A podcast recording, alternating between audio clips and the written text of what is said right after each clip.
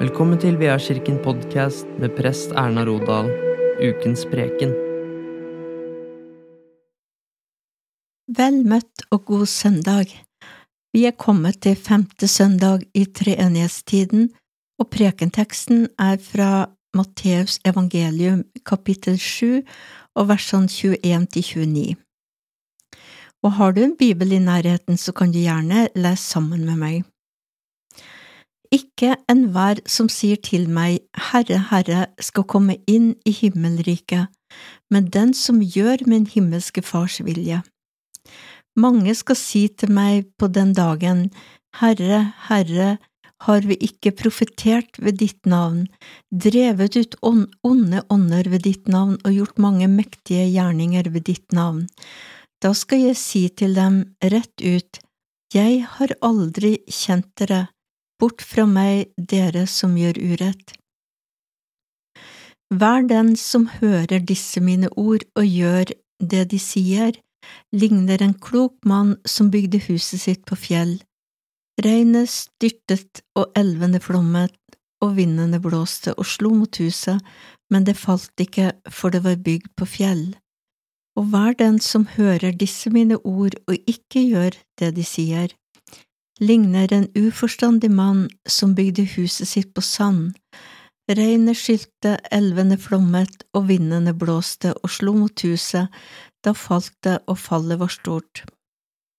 Da Jesus hadde fullført denne talen, var folket slått av undring over hans lære, for han lærte dem med myndighet og ikke som deres skriftlærde. Slik lyder det hellige evangelium. Dagens tekst er hentet fra avslutninga av bergprekenen og gir et enten–eller. Enten kommer vi inn i Guds rike, eller så gjør vi det ikke. Alt er ikke gjort ved å si Herre, Herre, man må også gjøre den himmelske Fars vilje. Motsetningen står mellom å si og å gjøre, og det er ikke nok bare å bruke store ord, det må et hjerte til, et hjerte som driver til handling. Troen må også vise i handling. På flere steder i evangeliene kan vi lese om å gjøre Guds vilje, og i Jakobs brev er motivet å være ordets gjører og ikke bare dets hører. Jesus advar mot falske disipler som gir seg ut for å være profeter. Folk skal stå fram og vise til profetier og store gjerninger for å påkalle Herrens godvilje, men Jesus sier da, Jeg har ikke kjent dere. Det skal sunt åndelig skjønn til for å kunne skjelne mellom sann og falsk profeti, mellom det som er av Gud ovenfra eller bare av mennesket nedenfra.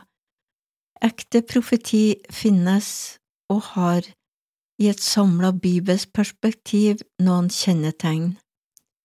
Budbæreren skal kjennes på det kristne livets frukter. Budskapet må samsvare med kristen tro, ingenting må legges til eller trekkes fra. Budskapet må bæres frem av kjærlighet til mennesker og menighet, og ikke være selvsentrert. Budskapet er ikke omtale, men tiltale til personer og inn i situasjoner. I lignelsen om husbyggerne peker den på konsekvensen av å bare høre ordet og ikke gjøre etter det, sammenlignet med det å høre ordet og gjøre etter det. Å gjøre etter ordet gir troen en dybde og røtter i Guds rike som gjør at vi står støtt, selv om prøvelsene kommer.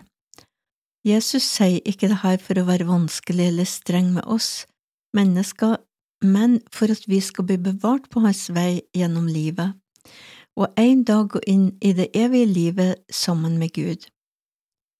Jesus ga sitt liv for oss av kjærlighet, og han vil gi oss det vi trenger for livet og vandringa med Han, for at vi skal oppnå det som Han har lovt oss, et evig liv i Guds rike. Ære være Faderen og Sønnen og Den hellige ånd, som var, er og blir en sann Gud fra evighet og til evighet. Amen. Takk for at du lytta til VR kirkens podkast ta imot velsignelsen. Herren velsigne deg og bevare deg. Herren la sitt ansikt lyse over deg og være deg nådig. Herren løfte sitt ansikt mot deg og gir deg fred.